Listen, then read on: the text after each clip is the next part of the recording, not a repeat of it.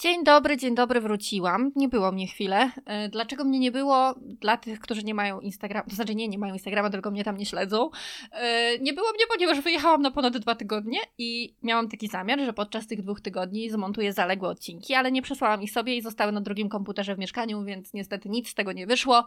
E, no ale cóż, to już było, jesteśmy teraz dzisiaj, tutaj nagrywamy nowy odcinek, świeży. Najprawdopodobniej, jeżeli wszystko poszło po mojej myśli, to wczoraj i przedwczoraj pojawiły się zaległe odcinki, a dzisiaj już idziemy aktualnie, jest sierpie, jest właściwie 1 września i nagrywamy sierpniowy kącik kulturalny.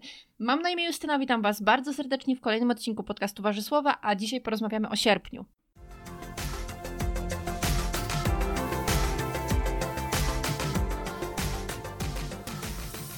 I zacznę od takiego segmentu, którego chyba jeszcze w kąciku kulturalnym nie było, i będzie to podcast, ponieważ w tym miesiącu, właściwie dwa dni, w dwa dni, e, nadrobiłam cały podcast e, Dyskoteki Chłopaki i ogólnie takie takie. Mam nadzieję, że nie pomyliłam tytułu, natomiast na pewno wiecie o jaki mi chodzi, jeżeli kojarzycie Dyskoteki Chłopaki.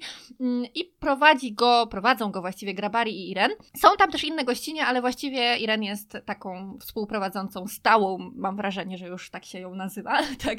Dlatego ja Wam bardzo, bardzo serdecznie polecam ten podcast, ponieważ ponieważ on jest przede wszystkim prześmieszny. Ja chyba nie miałam nigdy w życiu takiego podcastu, żebym ja się tak śmiała, ja się dosłownie podduszałam, więc ekstra, bardzo dziękuję. No Oprócz tego, że jest y, bardzo zabawny, co już mówiłam, to może powiem o czym jest, a jest ogólnie o dyskotekach, chłopakach i innych takich, tak, nie no, jest ogólnie o związkach, o związkach i o wszystkim, co jest związane ze związkami, prawda, z każdym tym etapem. No, czego tam nie ma, czego tam nie ma? Oprócz tego, że e, Grabari i Iren są niezwykle zabawni, co już wspomniałam, to jeszcze mają takie flow i tak świetnie opowiadają te historie, ale jakie oni mają historie, to jest coś takiego, że ja sobie myślę, matko kochana, jak ja niewiele w życiu przeżyłam, ale nie to, że jakoś bardzo żałuję. Natomiast te historie są tak odjechane, kosmiczne. No świetnie się tego słucha i serdecznie, e, serdecznie Wam ten podcast polecam. Mi go poleciła moja przyjaciółka, która również się bardzo mocno zaśmiewała, szczególnie na odcinku walentynkowym. Ja teraz już po czasie wiem, że tak, ja też się na nim zaśmiewałam. No ale jakoś tak mi szło, szło i jakoś nigdy nie było mi po drodze. Gdzieś tam sobie włączyłam jeden odcinek i tak, puf, ale w końcu, słuchajcie, zabrałam się za to.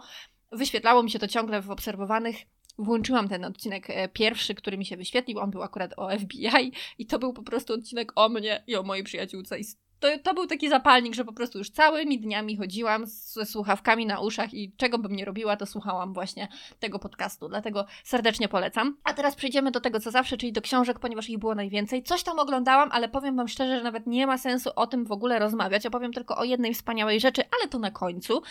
E, a teraz o książkach. Właściwie też nie powiem o wszystkich, ponieważ powiem Wam szczerze, że trochę tych książek było w sierpniu, ale mam takie poczucie, że mimo, że czytałam książki absolutnie fantastyczne i moje ulubione, to jakoś jakoś te słabe książki zdominowały moje uczucia i mam wrażenie, że sierpień czytelniczo był kiepski, ale wcale tak nie było, dlatego będę teraz mówiła o tych książkach całkiem fajnych i nawet bardzo fajnych. No i zaczniemy od Jestem Marysia i chyba się zabije dzisiaj Mary z Polski i ja wam powiem, że podchodziłam do tej książki jak pies do jeża. Najpierw mi się troszeczkę nie spodobał tytuł. Później właściwie myślałam sobie, a właściwie ja nie znam za bardzo piosenek Mary, nie wiem, ach, dobra, nie jestem zainteresowana. Później była taka sytuacja, że włączyłam sobie podcast Justyny Mazur i tam właśnie był wywiad z Mary. Posłuchałam go sobie i stwierdziłam, nie no dobra, kupuję tę książkę, ja ją muszę mieć, ja ją muszę przeczytać, to na pewno będzie fajna rzecz i rzeczywiście nie pomyliłam się. I oczywiście w trakcie czytania książki też nadrabiałam sobie twórczość, więc teraz jest w moim sercu Mary, jestem e, zachwycona. No ale dobrze, na początku ja wiecie, nie wiedziałam do końca jak do tej książki podejść. Pierwszy esej, właśnie esej, ja nie wiem czy to można nazwać esejem, bo z tyłu jest napisane, że to tak właściwie forma pamiętnika, no ale nazwijmy to esejem. Pierwszy esej wydawał się ciekawy, ale miałam takie jakieś mieszane odczucia, nie wiedziałam, czy mi się to spodoba, czy to jest styl dla mnie. No, to było właśnie, to, to jest taki zbiór przemyśleń, właściwie może i pamiętnik, tak jak mówiłam wcześniej, um, ale no nie wiedziałam, tak? Ten, ten, ten początek był dla mnie dziwny, ale im więcej myśli Marysi poznawałam, im bardziej czułam tę jej fantastyczną umiejętność zabawy słowem. Naprawdę, Marysia świetnie bawi się słowami, rymami. To wszystko jest takie, to ma ręce i nogi, to się fajnie czyta, potem się płynie. Bardzo, bardzo coś takiego lubię.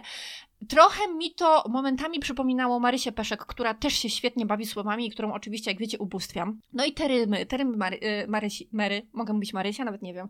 Mary, były niby proste, ale tak dopasowane do tego wszystkiego. Te porównania, które ona tworzyła, te metafory, to wszystko było takie trafne. I mm, fajnie, no nie wiem, no fajnie to może nie jest zbyt, e, zbyt dobre określenie na, na cokolwiek, natomiast rzeczywiście po prostu to się naprawdę bardzo fajnie czytało. I e, im dalej się szło, im dalej poznawało się te myśli Marysi, tym dla mnie było jeszcze wspanialej. Przepraszam, jeżeli mówię chaotycznie, troszeczkę się odzwyczaiłam od nagrywania.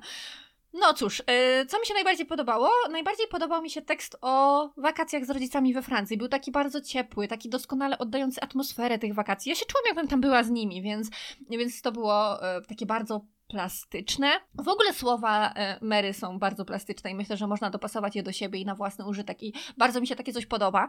Nie znam jeszcze tak bardzo dobrze tej twórczości Mary, ale właśnie ta książka zachęciła mnie do tego, żeby poznać bardziej i ja już wiem, że my się z Mary bardzo polubimy. Dzięki Mary za tą książkę była super. Jest super właściwie przecież. E, później sięgnęłam po audiobook The nad wieczorową porą Anety Jadowskiej. Ja czytałam na papierze dwie wcześniejsze wersje mm, dwie, nie wersje, tylko tomy e, historii Garstek z Ustki. To jest w ogóle seria, seria nazywająca się Garstka z Ustki, jeżeli dobrze pamiętam. No i w trzeciej części wracamy do Ustki, wracamy do pensjonatu, w którym właśnie zapanował w końcu względny spokój. E, tam się działo w poprzednich częściach. Ja w ogóle miałam tak, że druga część mnie trochę zniechęciła do tego, do tej serii. Myślałam, że nie, się, nie sięgnę po trójkę, ale skoro pokazała się w audiobooku, to stwierdziłam, dobra, jakby, dlaczego nie? W tym tomie już oddalamy się od problemów Magdy, czyli tej głównej bohaterki wcześniejszej. Nie ma już w ogóle Tamary, czyli ciotki Magdy, która też była dosyć znaczącą postacią w drugim tomie. Nie ma też żadnych rodzących się miłości. W ogóle ta miłość jest z boku. Mam wrażenie, że nawet związek Magdy jest absolutnie nieobecny, mimo że się tak rozwijał w drugim tomie. Nawet się zastanawiałam, czy, czy on jeszcze w ogóle trwa. Nie ma też wątku ptaszyn, nie ma wątku ptaszyn, co sprawia, że książka jest moim zdaniem o wiele lżejsza niż poprzednie części. Nie wiem, czy mogę mówić e, o co chodzi z ptaszynami, bo myślę, że to jednak zaspoileruje, ale jeżeli ktoś czytał dwa poprzednie tomy i też troszeczkę tym drugim tomem się zraził, bo to jednak miały być thrillery, e, nie, to miały być e, komedie kryminalne, a ta druga część jednak była taka dosyć ciężka, mam wrażenie. Miała taki kaliber troszeczkę cięższy. Mm, więc jeżeli ktoś był nieprzekonany do sięgnięcia po trzeci tom, to tutaj jest już naprawdę, to jest naprawdę komedia kryminalna, moim zdaniem. Już mamy serio z nią do czynienia, poprzednio bywało różnie, w mojej opinii przynajmniej. Tom ten skupia się na Marii, czyli na seniorce rodu, babci Madzi Garstki i zostaje rozwiązana zagadka, która w drugim tomie aż prosiła się o rozwiązanie. Także znowu dla tych, którzy czytali, myślę, że jest tam taka rzecz jedna, która wiadomo, że będzie się ciągnęła w dalszych tomach, bo nie miała swojego rozwiązania w drugim tomie i właśnie o tym jest trzeci tom. I mimo, że jest moim zdaniem wciąż niedoskonały, chociaż tutaj muszę pochwalić, w końcu są normalne dialogi, bo w drugich dialogach, znaczy w dwóch poprzednich częściach, dialogi mm, też służyły do tego, żeby wytłumaczyć sytuację pewnych kobiet. No i one były trochę takie łopatologiczne i takie, wiecie, jak ja to ciągle powtarzam, ludzie tak ze sobą nie rozmawiają. E, natomiast tutaj wszystko było bardzo, bardzo naturalne. No i właśnie myślę, że to dlatego, że żadna bohaterka już nie musiała tłumaczyć żadnego trudnego, trudnego tematu w ten sposób. No i co? Mm, ten tom trzeci nie był jakiś taki doskonały, ale mimo wszystko naprawdę przyjemny, z ciekawą historią. Szybko y, pojawiło się rozwiązanie tej historii, szybko dowiedzieliśmy się, o co tak naprawdę w tym wszystkim chodzi, kto za wszystkim stoi, ale i tak uważam, że to było lepsze fabularnie niż dwie poprzednie części. Także, tak jak mówię, po drugim tomie myślałam, że nie sięgnę po trzeci, ale, ale zrobiłam to i nie żałuję. Myślę, że gdyby pojawiła się czwarta część, to, to też bym po nią sięgnęła. I myślę, że to jest taki naprawdę e, fajny, e, no nie powiedziałabym odmurzacz może, bo to takie złe słowo i nie brzmi dobrze, ale taka fajna, lekka książka na jesienne zbliżające się wieczory długie. No i słuchajcie, przeczytałam książkę Moja Mroczna Vanesso. Ja się nie spodziewałam absolutnie tego, jak ja bardzo zaangażuję się emocjonalnie w fabułę. Słyszałam o tej książce dużo dobrego, słyszałam, że jest emocjonująca, że mm, bardzo mocno się współodczuwa, i, I, rzeczywiście taki jest. Książka opowiada o Vanessie, która w wieku 15 lat jest, zostaje zmanipulowana przez swojego nauczyciela i ma z nim romans. Widzimy tutaj tę drogę, w której Strange, czyli ten nauczyciel, rozpoczyna ten cały grooming. Widzimy tę manipulację, widzimy, że wybiera właśnie osobę będącą tą osobą na uboczu, samotną, bez przyjaciół. Widzimy dziewczynkę, która wchodzi w to wszystko, ale mimo wszystko jest poza tym. Nie wiem, jak to wyjaśnić, ale naprawdę trudno to wyjaśnić, ale ona wchodziła w tę relację z jasnych powodów, ale sama miała wrażenie, że to wszystko dzieje się poza nią. Jej to bardzo imponuje, to, że ma, że wzbudza takie zainteresowanie w starszym mężczyźnie, że ma nad nim władzę, ponieważ on oczywiście stara się sprawić, żeby ona myślała, że ma nad nim władzę. To jest chlebia po prostu, więc bardzo prosto jest manipulować Vanessą. Ona jest takim łatwym materiałem. No i dlatego też tę książkę czyta się strasznie pod względem emocjonalnym. Przede wszystkim ja czułam ogromną wściekłość na tego nauczyciela pedofila. Jak ja widziałam te jego manip- czytałam właściwie te jego manipulatorskie zagrywki, których młoda, zauroczona w nim dziewczyna po prostu nie mogła rozgryźć, to mnie trafiał szlak. Ja czułam autentyczne obrzydzenie tym mężczyzną. Gdy o nim czytałam, to było mi po prostu niedobrze. To, jak on do niej mówił, jakich słów używał, to było straszne, to było po prostu okrutne i tak dobrze oddane, że aż ciary przechodziły. Szczególnie, że właśnie nawet sama Vanessa się nim brzydziła. On ją pociągał w jakiś sposób, ale był też dla niej obrzydliwy, bo jednak był dla niej za stary. No. Ona, w tobie, ona w sobie tłumiła jakby te emocje. Ona w sobie, w sobie tłumiła to, że mm, on jej się nie podoba i że tak naprawdę wszystkie te kontakty fizyczne, które oni mają, są dla niej złe. Ona tak jakby, jak ona to sama mówiła, wychodziła z ciała na ten moment. To było straszne do przeczytania, naprawdę. Jak już można, myślę się po fabule domyśleć, jest sporo nawiązań do Lolity. I stąd właśnie widziałam też opinię, że książka się nie umywa do, do Nabukowa. No i oczywiście, że nie. Oczywiście, że nie, bo to jest książka pisana z perspektywy nastolatki i dorosłej, ale nadal zmanipulowanej, z takiej skrzywdzonej, straumatyzowanej kobiety ona nawet sobie chyba nie zdaje sprawy z tego, że ten romans, który miała jako piętnastolatka, jest dla niej, był dla niej tak traumatyczny, że rzutuje na całe jej dorosłe życie, determinuje jej decyzje. No po prostu to jest oczywiste, że my nie dostaniemy tutaj czegoś literacko wspaniałego, ale to jest bardzo, bardzo rzeczy takie realistyczne. Znowu się y, rozemocjonowałam tym, kiedy sobie przypomniałam właśnie o tej fabule. Lolita to jest książka doskonała literacko. To jest arcydzieło. Tutaj nie mamy arcydzieła literackiego i jeżeli oczekujecie czegoś takiego, to nie, bo ta książka jest napisana z perspektywy dziewczyny, mm, nastolatki głównie i, i skrzywdzonej teraz nie chcę skłamać, ale chyba trzydziestoparolatki, i ten język jest taki, jaki, jaki ma ta dziewczyna. Jest doskonale oddany. Dla mnie to jest duży plus tej książki. Dlatego dla mnie nie ma tutaj porównania z tej perspektywy, bo tak jak mówię, literacko Lolita jest arcydziełem, a tutaj książka bazuje na emocjach bardziej niż na tym, jak została napisana. Tak przynajmniej jest w mojej opinii. I to się sprawdza w tej książce. Zresztą ja się też nie mogę do niej literacko przyczepić, bo no, rzeczywiście ten język jest dostosowany do narracji. Widziałam też zarzut, że pedofil by się tak nie zachowywał jak Strain, bo w fabule Vanessa ma z nim kontakt przez długie lata później, po tej całej sytuacji. Ja nie wiem, jak to wygląda. Ja nie jestem psychologiem, psychiatrą, nie mam pojęcia, nie znam się na tym. Natomiast myślę, że warto też zwrócić uwagę na to, kiedy on się z nią spotykał, kiedy ona już była dorosła, po co z nią rozmawiał, dlaczego się z nią e, widywał i że tak naprawdę on robił to wszystko tylko w swoim interesie i że on po prostu chciał się bronić i dla niego e, Vanessa była takim, taką przeszkodą na tej drodze i musiał ją złagodzić. Także ja się nie do końca zgadzam z tym, że to nie mogło tak wyglądać. Dla mnie to wyglądało bardzo realistycznie. Cała książka właśnie przyniosła mi mnóstwo emocji i to było nie tylko współczucie, bo, bo rzeczywiście strasznie Vanessie współczułam, że, że, że została zmanipulowana. Nie tylko tej złości, obrzydzenia, e, zdziwienia momentami, ale było tak też czasami, że ja byłam zła na Vanessę. Po prostu to, to była taka zła, złość, którą ja starałam się w jakiś sposób e, tłumić w sobie, bo była niesprawiedliwa, ale nic nie mogłam na to poradzić, że denerwowałam się, kiedy widziałam, że dorosła już kobieta, dorosła Vanessa, e, nadal jest taka ślepa na to wszystko, dalej do niej nic nie dociera. Szczególnie denerwowało mnie to, jak ona traktowała inne ofiary Straina, które były straumatyzowane i zdawały sobie z tego sprawę, ale no to była taka złość z, z bezradności, bo wiadomo, nic, nic nie możesz e, z tym zrobić, ale była gdzieś tam z tyłu głowy. No i, i co jeszcze mogę powiedzieć? Y, no, ja mówiłam mojej przyjaciółce w trakcie czytania tej książki, że jest okropna, ale jest doskonała.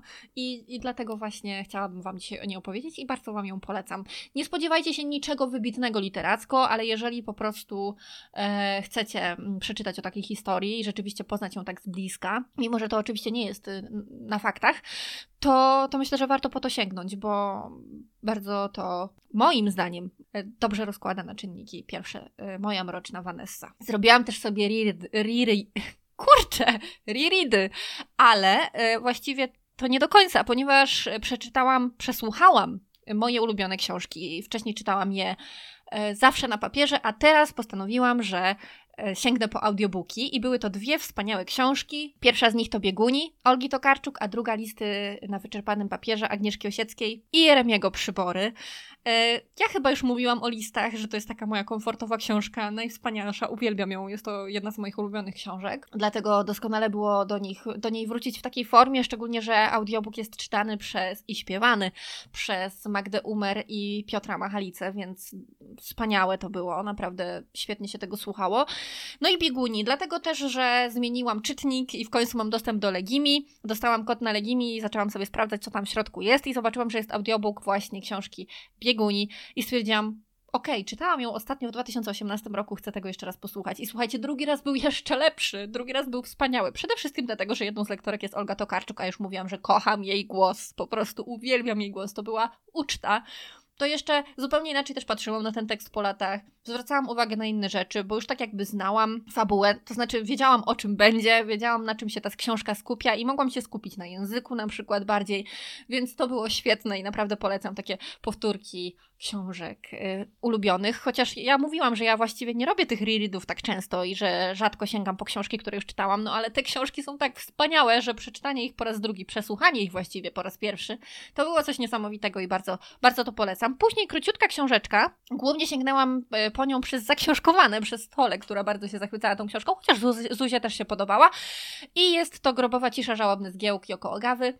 To jest zbiór połączonych ze sobą opowiadań grozy, jeżeli mogę to tak nazwać. Te opowiadania mają taki niesamowity klimat. Nie wystraszyły mnie w ogóle, w żadnym razie. I nie wydaje mi się, że ich przeznaczeniem jest wywołanie strachu, raczej takiej nutki niepokoju. Właśnie to jest taki klimat niepokoju.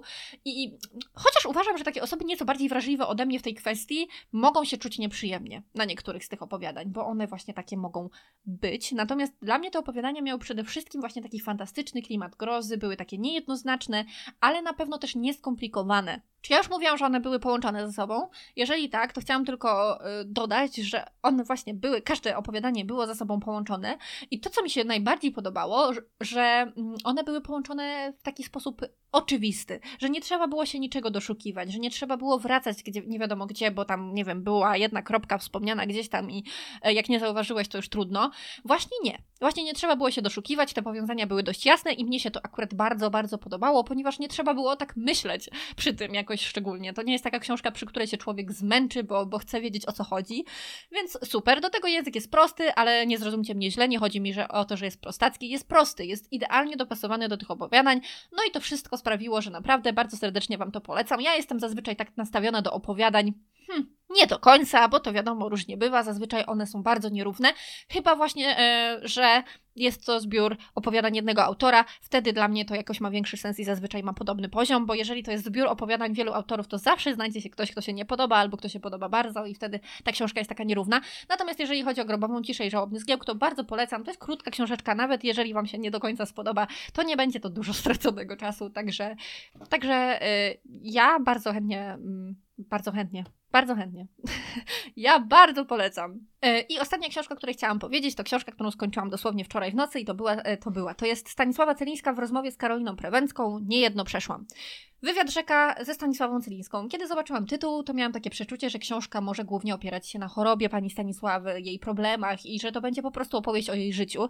No i to, co dostałam, jednak pozytywnie mnie zaskoczyło, bo choć nie ukrywam, że ja lubię rozmowy ze Stanisławą Celińską, więc i o jej życiu bym chętnie posłuchała, szczególnie, że no nie było ono łatwe i myślę, że pani Stanisława tutaj ma bardzo wiele mądrych rzeczy do powiedzenia. To jednak właśnie rozmowy o wykonywanym zawodzie, o tym, jak to wszystko wygląda, jak to się zaczęło, to mnie ciekawi najbardziej. Jeżeli czytam właśnie biografię artystów, uwielbiam czytać o tym, jak oni stawali się tym artystą, mm, co robili. No to jest super, to jest po prostu super, więc dla mnie ta droga Stanisławy Celińskiej jako artystki jest najbardziej interesująca. No i właśnie tak było. O tym mówiła właśnie głównie Stanisława Celińska w tej książce, o swojej pracy, o jej wpływie na całe swoje życie, o filmach, teatrze. Oczywiście mówiła też o rodzinie, mówiła też o, e, o swoim ukochanym piesku, e, no mówiła też o tym, e, o swoim życiu, świadectwie i tak dalej, ale gdzieś tam jednak mimo wszystko na pierwszym planie była jej praca, były filmy, teatr, początki aktorskiej przygody, recztale, więc y, jest tam wszystko, y, co dla mnie y, najważniejsze i co mi się najbardziej zawsze podoba. I wyłania się z tej rozmowy właśnie obraz takiej pani Stanisławy, pani Stasi,